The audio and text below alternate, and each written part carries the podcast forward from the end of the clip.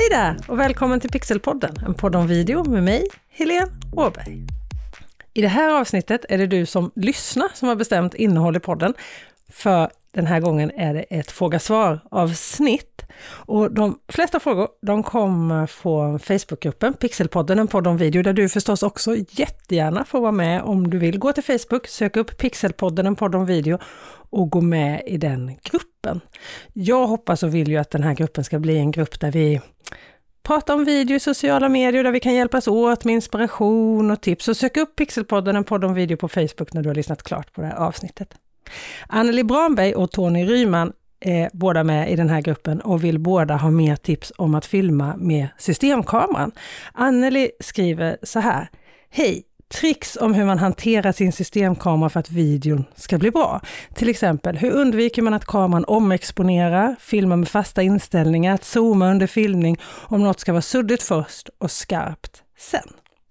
Tack så jättemycket för din fråga Anneli. Det är så roligt att du är igång och filmar, för visst är du det? Jag får verkligen den känslan när jag läser ditt inlägg, att du filmar och gör video.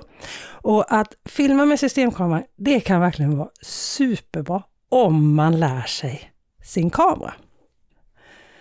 Men att köpa en dyr fin systemkamera och sedan använda den i autoläge, då skulle jag hellre köpa något annat för pengarna. Och det är precis det här du frågar om, hur ska du, vad ska du ha för inställningar? Och att lära sig att filma med systemkameran, det kan faktiskt vara en hel utbildning. Men om jag ska svara på just dina exempel som du skriver om, att kameran omexponerar till exempel, så är det just det att du måste gå över till manuellt läge. Så att du sätter en fix bländare, ett ISO-tal som passar och låser din skärpa på det som ska vara i fokus. Och det här kan låta lite krångligt, jag vet, men som jag sa, det är en hel utbildning egentligen att lära sig att filma med det här. Men jag ska försöka på ett snabbt och enkelt sätt förklara några av de viktigaste funktionerna som en systemkamera har. Det första du behöver ha koll på det är slutartiden. Och slutartiden det är ju hur snabbt dörren öppnas och stängs och släpper in ljus på din video. Och här i Europa så filmar vi i någonting som kallas 25 frames per sekund. Det vill säga varje sekund är uppdelad i 25 rutor. Det tar 25 bilder under en sekund och det gör att ögat upplevs som att bilden verkligen rör på sig. I USA tar man 30 rutor på en sekund och det här hör ihop med vår strömförsörjning. För här i Sverige så har vi lampor som blinkar i 50 Hz. Och alla våra lampor, det är inte ett fast sken egentligen, fast vi upplever som det. Och då blinkar det i en hastighet av 50 Hz. Och om slutartiden på kameran är synkat med det här lampornas blinkande, det vill säga att slutardörren, om man säger så, öppnas och stängs i synk med hur lamporna blinkas, så kommer man uppleva ett fast ljus. Men stämmer de här inte överens, då upplever man att lamporna blinkar och det kallas att man får ett flicker. Och det här påverkar du då genom slutartiden.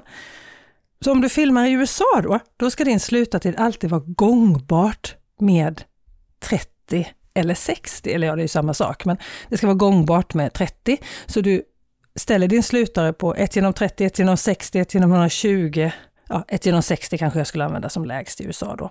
I Europa och Australien faktiskt, så är det samma sak men delat med 25 istället. Så 1 genom 25, 1 genom 50, 1 genom 100. Jag skulle nog generellt sagt säga att jag ställer slutan på 1 genom 50. Det behöver det inte alltid vara, men det vanligaste är nog ändå att jag filmar med min sluta ställd på 1 genom 50.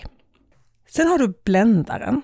Och bländaren är ett mått på hur stort hålet är som släpper in ljus till din kamera. Eller faktiskt är det hur stor del av hålet som är täckt. Det ger ett bländartal. Därför ger ett lågt bländartal en stor öppning och ett högt tal ger en liten bländaröppning. Och det här påverkar i sin tur dels då hur mycket ljus du släpper in, men också hur långt skärpedjup du får på bilden. Ett lågt tal, kort skärpedjup, det vill säga du har skärpa på en person eller en sak och bakgrunden blir suddig. Och högt tal, då har du skärpa det kan, kan vara genom hela bilden, alltså att skärpan blir oändlig, men att du har skärp, även bakgrunden blir skarp. Och de här stegen är ju så 1,4, 2, 2,8 upp till 22, 32. Och när du har uppåt 22, 32 då har du ju skärpa långt. Men filmar du med ett bländartal på 1,4 till exempel, då är bakgrunden väldigt suddig.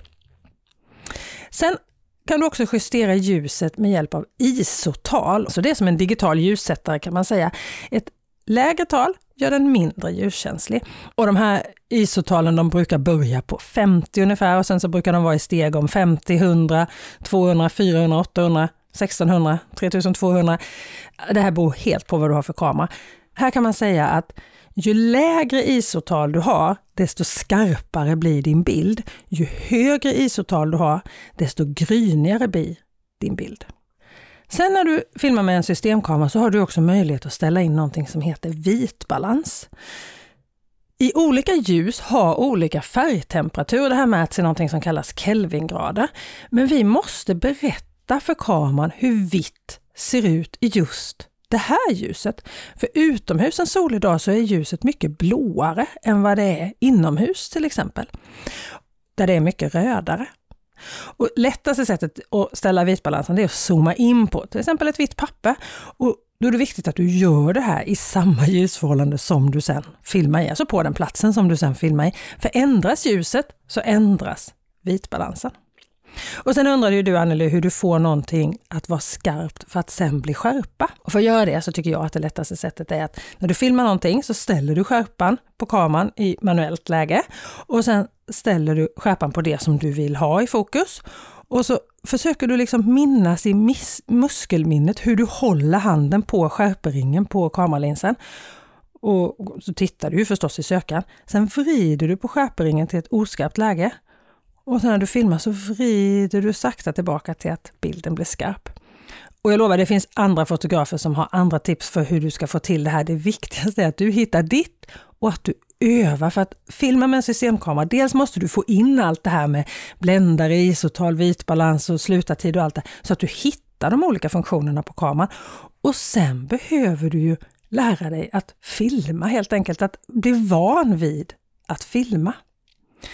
För oavsett om du filmar med en proffskamera, eller en DSLR-kamera eller en systemkamera eller med din mobiltelefon, så är det vad du gör med din kamera. Hur du spelar in ljudet, hur du komponerar dina bilder, hur ljuset ser ut och framförallt vad det är du berättar som är det viktiga. Oavsett, det blir inte per automatik bra för att man har en bättre kamera. Det kan bli till och med sämre för att man har en bättre kamera om man inte hanterar den, för det finns fler saker som kan gå fel helt enkelt. Men jättebra fråga och hoppas att du fick svar på några av dina funderingar, Anneli och även du Tony.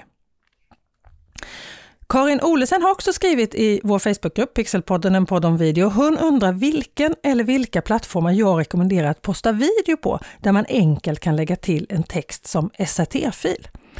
Och jag gillar ju att jobba med video på i stort sett alla plattformar. Jag finns på Youtube. Är du intresserad av ännu mer video i sociala medier så kan jag rekommendera min Youtube-kanal, även om jag är lite partisk nu då.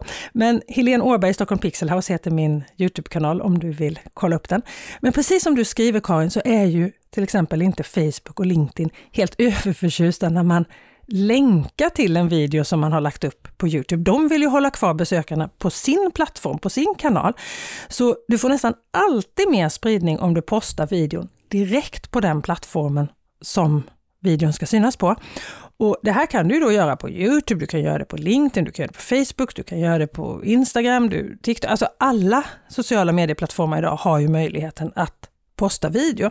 Men just det här att du dessutom ska kunna ladda upp en SRT-fil, det går inte på alla plattformar. På Youtube kan du göra det, på Facebook kan du göra det, på LinkedIn kan du göra det.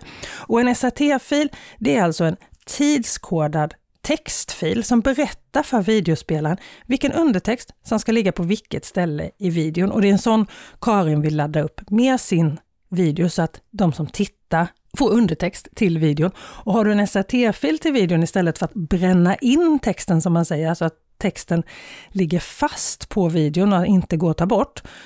Skillnaden är att en SRT-fil kan tittaren själv välja. Om jag tittar med ljud, då kan jag ta bort undertexten om jag vill. Tittar jag utan ljud så har jag den på. Men du skrev också i ett mejl till mig att du hade haft problem att få upp video på olika plattformar och då tänker jag att det kan vara att de har varit för långa.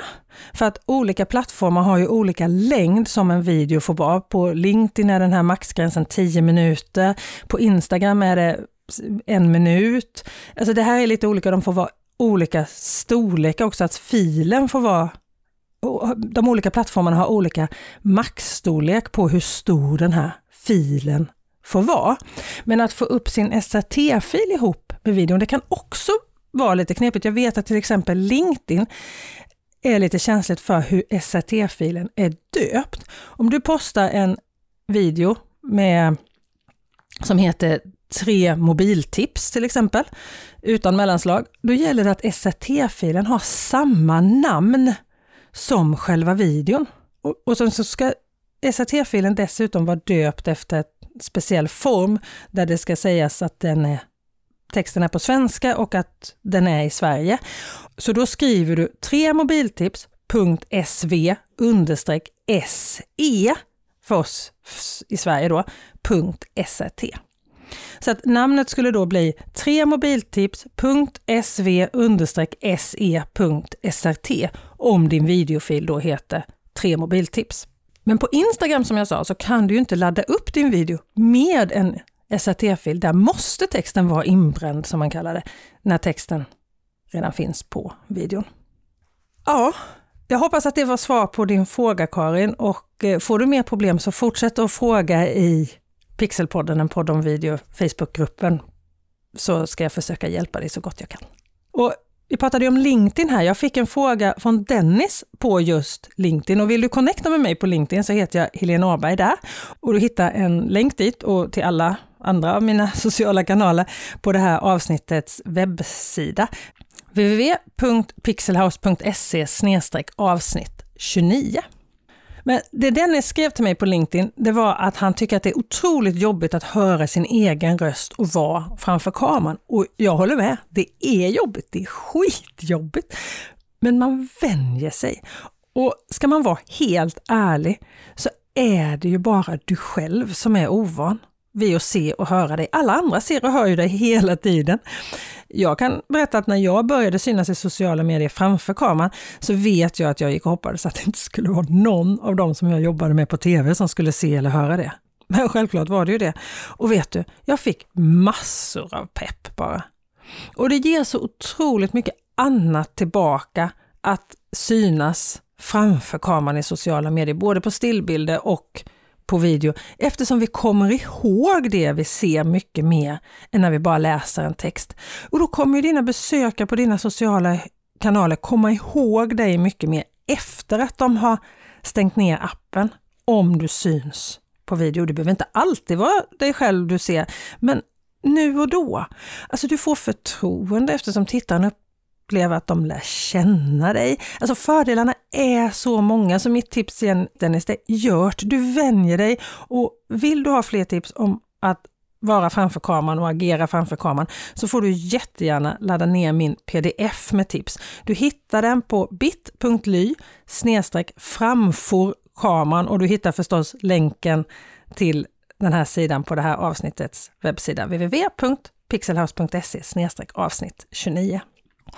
Och det finns dessutom ett helt avsnitt här i Pixelpodden, en podd om video, som bara handlar om att agera framför kameran. Och även om du absolut inte tänker agera framför kameran själv, så kan du ändå ha nytta av avsnitt 12 här i podden. För det handlar även om att regissera någon annan framför kameran och hur man får någon annan att känna sig trygg och säker framför kameran.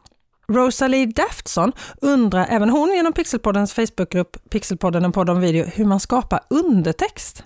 Och jag tycker att det lättaste och kanske faktiskt snabbaste sättet att göra undertext till video i sociala medier, eftersom video i sociala medier inte ska vara så himla långa, det är att ladda upp videon på Youtube och sen använda Youtubes textningsverktyg. För jag tycker att det är ett stabilt och enkelt sätt att texta sin video. Och så är det ju dessutom helt gratis. Du skriver in din text där du vill att den ska vara i videon och när du är klar så exporterar du undertexten till en sån här SRT-fil som jag pratade om innan. Och sen postar du videon tillsammans med din SRT-fil på den sociala medieplattform som du vill att den ska vara på. Och vill du inte använda Youtube och skriva texten själv så tycker jag om att använda en tjänst som till exempel kapving.com. Det finns också textamig.se. På de här eh, sidorna, kapving.com eller textamig.se, så kopierar du länken till din video som du har laddat upp då på till exempel Youtube och så klistrar du in den på webbsidan och sen är det bara att vänta. För sen gör programmet jobbet. Sen kan du gå in och redigera i texten och det kommer du behöva. Och sen så laddar du ner på capving.com är det till exempel gratis att ladda ner videon med en inbränd text. Men du måste ha ett betalkonto för att kunna ladda ner en SAT-fil. Sen finns det ju appar där du kan göra det här. Klipsk till exempel till iPhonen om du har iPhone Rosalie.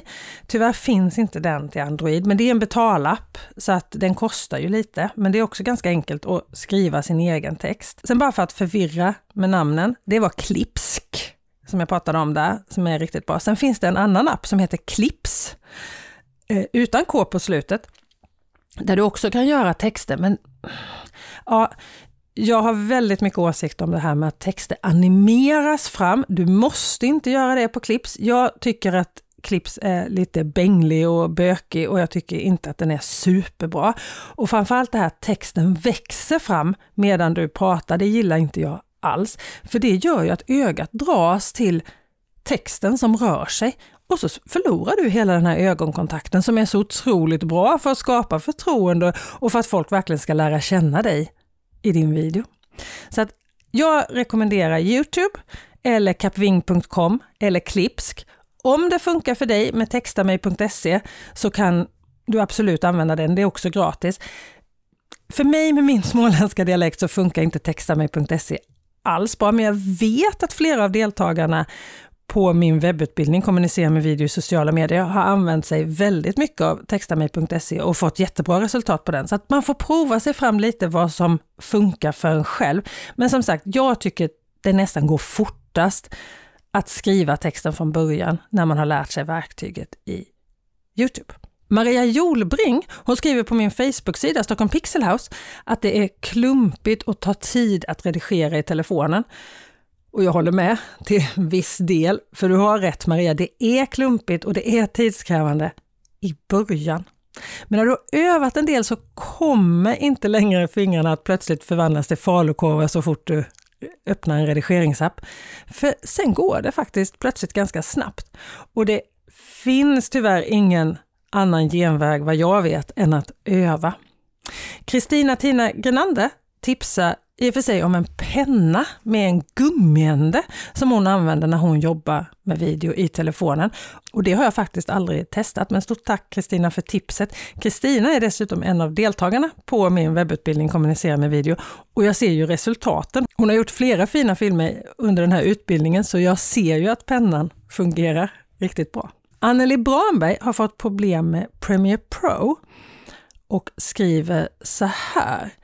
Vad gör man när Premiere Pro inte hittar videoklippen efter att datorn varit avstängd? Det blir något referensfel på något sätt. Detta började hända när jag ändrade inställningarna för iCloud. Nu måste jag lägga in klippen på nytt och om jag stänger av datorn händer det igen. Jag lyckas inte göra om lagringen på Mac. Alltså då tror jag det är så här Anneli, att dina videofiler eller videoklipp ligger i molnet och när Premiere Pro försöker hitta filerna så finns de inte nedladdade. Alltså de finns inte så att Premiere Pro kan nå dem. Alltså iCloud blir för segt för programmet att hämta hem dem. Nu är inte jag jättebra för iCloud, för att när jag började redigera i telefonen så tyckte jag att det var buggigt. Det här var ganska många år sedan och allt hängde sig. Och när jag använde iCloud Drive så bara låste sig telefonen. Och, och jag tror att det är det som du behöver göra, eller du behöver använda iCloud Drive. Men jag är inte säker. Det har ju så, alltså iCloud har ju blivit mycket bättre nu. Det här var ju några år sedan, men själv använde jag Dropbox och nu har jag blivit så van vid det så att jag använder faktiskt inte iCloud så mycket. Men vi gör så här, om du som lyssnar är bra på iCloud och kan tänkas veta hur Anneli ska komma till rätta med sitt iCloud-problem, mejla mig på helene pixelhouse.se eller skicka ett DM på mitt Instagramkonto Stockholm Pixelhouse eller gå med i Facebookgruppen Pixelpodden, en podd om video och skriv där. Du har många val om du sitter inne med massa kunskap som kan hjälpa Anneli. Och medan vi vänta Anneli så är mitt tips att ladda ner de videoklipp som du använder lokalt på datorn så att du inte redigerar mot iCloud eller mot molnet. Sen länkar du materialet till din nya plats på datorn och då ska programmet komma ihåg det nästa gång du startar det. Lycka till! Och vi har fler som är intresserade av Premiere Pro här, både Eriva Wretling Hemström och eh, Susanne Moberg Granström vill ha en lathund för redigeringsprogrammet Premiere Pro. Alltså Premiere är ett jättebra program och otroligt avancerat. Du kan göra otroligt mycket i det här programmet. Men just därför är det inget lätt program att lära sig. Många gånger så använder man faktiskt bara en bråkdel av de här funktionerna. Och lite som jag sa med att lära sig att filma med systemkameran, att det är en hel utbildning i sig, så är det precis samma sak med att lära sig Premiere Pro. Det är ingenting som jag tyvärr kan lära ut på ett poddavsnitt så här. Men om du tycker att Premiere Pro känns svårt att förstå, för det behövs mer än en lathund för att komma igång med det här programmet, så är faktiskt mitt tips att redigera i Adobes andra redigeringsprogram, Premiere Rush istället. Det är ett väldigt bra redigeringsprogram som brukar ingå i samma licens. Och du kan faktiskt göra så att du kan redigera i Premiere Rush och är det någonting som du bara kan göra i Premiere Pro som du vill göra så kan du ta in hela projektet i Premiere Pro och göra just det. Men Premiere Rush är ett väldigt bra redigeringsprogram som, som faktiskt funkar både i mobilen och i datorn och som är mycket lättare att lära sig och förstå. Och Ja, det har kommit en hel del frågor om just redigering, bland annat hur man gör enklast om man bara vill korta lite i början och slutet av en video i telefonen. Och jag ska erkänna att när det bara är det jag vill göra, jag vill bara ha en lite annan ingång och en liten annan utgång på min video, då gör jag oftast det direkt i bildmappen på iPhone eller direkt i Gallery på min Samsung. Båda har ett läge när du tittar på din video som heter ändra eller redigera. Och när du kommer in i det här redigerarläget så kan du ta tag i kanten och dra åt sidan tills markeringen är där du vill ha den. Lite pilligt här också i början. Men alltså, när du gör det i början och slutet och sen sparar din video, då brukar jag försöka spara så att jag sparar det som ett nytt klipp. Om något blir knas så kan man ju alltid göra om det då. Men det tycker jag är det absolut snabbaste och lättaste och sen posta det till stories eller vad du nu använder. Det har blivit dags för sista svaret på den sista frågan för den här gången i Pixelpodden, en podd om video. Och den frågan kommer från Norge, från Gro Lisbeth Ryland. Hon skriver så här i Facebookgruppen. Hoppas att det är okej att jag frågar här på norska, skriver Gro Lisbeth. Ja, självklart är det det, även om jag nu tänker läsa upp din fråga på svenska för att jag är inte så där jättebra på att uttala norska. Men jag förstår norska väldigt bra. Jag brukar vara i Norge och jobba ibland och göra olika tv-program där. Jag tycker att det är jättekul och det är så de förstår ju mig klockrent. Jag förstår oftast norska när det inte kommer från Sörlandet. Då tycker jag det är svårt. Men i text så går det jättebra. Men nu till Gro Lisbets fråga. Jag har en webbkamera för livestreaming och använder samma video för redigering och ute på Youtube efteråt. Så nu undrar jag om någon har erfarenhet av Logitech C99 HD Pro. Några andra webbkameror jag borde titta på. Tack för podden, jag lyssnar på den regelbundet. Åh, oh, vad glad jag blir Gro Lisbeth. Och stort tack för att du tar dig tid, måste jag säga då, och lyssna på Pixelpodden, en podd om video. Så roligt! Och jag tycker mycket om Logitechs webbkamera. 922 HD Pro har jag inte använt själv jättemycket, men jag har varit på andra sidan många gånger när jag vet att den som sänder webbinar och så har haft just den här kameran och det är en riktigt bra webbkamera. 922ans storebror Logitech Brio har jag däremot använt flera gånger och är en av mina absoluta favoriter när det kommer till webbkamera. Den kostar i och för sig nästan dubbelt så mycket som 922an, men du får också lite mer kvalitet och kan till och med filma i så hög upplösning som 4K om du vill. Men oavsett Grå Lisbeth, båda kamerorna är bra webbkameror. Båda har glaslinser till exempel, vilket är otroligt bra för bra bild och sådär. Alltså, båda de här Logitech-kamerorna, både 922an och Brion, har flera gånger utsetts till bästa webbkameran i sin prisklass. Så att du har verkligen ett bra val där. Och jag tycker att det är riktigt bra webbkameror och jag, det är just de här jag rekommenderar så att du är helt rätt, rätt på det Gro Lisbeth. Och jag hoppas att du vill fortsätta lyssna på Pixelpodden även i fortsättningen. Det här var allt för det här avsnittet. Har du fler frågor eller inte fick din fråga besvarad i det här avsnittet så häng med i Facebookgruppen Pixelpodden, en podd om video. Där kommer det finnas fler möjligheter att få svar på frågor som dyker upp. Och så till allra sist så tänkte jag ställa en fråga till dig. Vad tycker du om den här podden? Lämna jättegärna en recension av den här podden i iTunes-appen. Välj hur många stjärnor du tycker att den är värd från 1 till 5 och skriv gärna också några ord om vad du tycker. Jag skulle bli så otroligt tacksam och glad och jag vill ju verkligen, verkligen veta.